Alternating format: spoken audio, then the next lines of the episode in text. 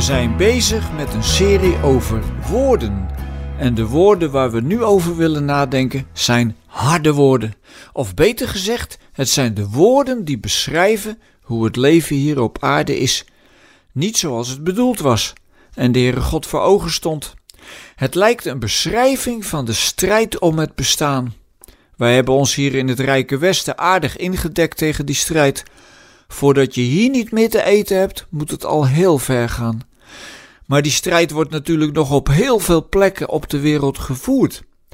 Als we Genesis 3 goed begrijpen, gaat het over de toestand die de mens zelf over zich heeft uitgeroepen.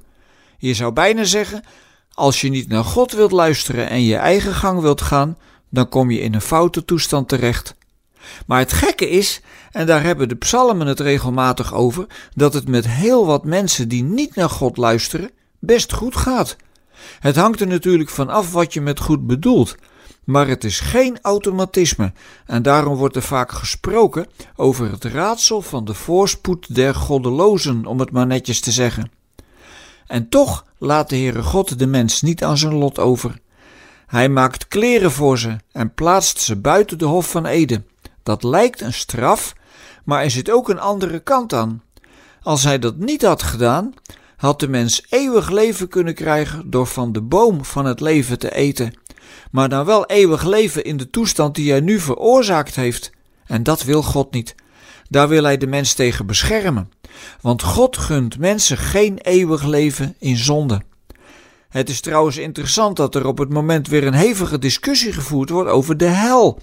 Er was onlangs een hoogleraar die stelde dat er weer vaker over de hel moet worden gepreekt. Niet om mensen de hel in te praten, maar omdat het kwaad een plek moet hebben. Hij bedoelde daarmee dat als er geen hel en geen straf zou zijn, en dus geen laatste oordeel, het kwaad dus eigenlijk gewoon zijn gang kan gaan.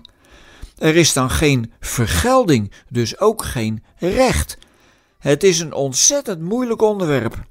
En je komt al snel op dat gevaarlijke onderwerp of jij dan kunt zeggen wie er wel en niet naar de hel gaan.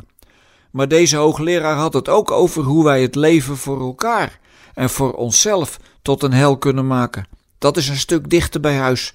Wat een mooie taak hebben christenen dan om juist midden in de hel, die het leven soms kan zijn, iets hemels te verspreiden.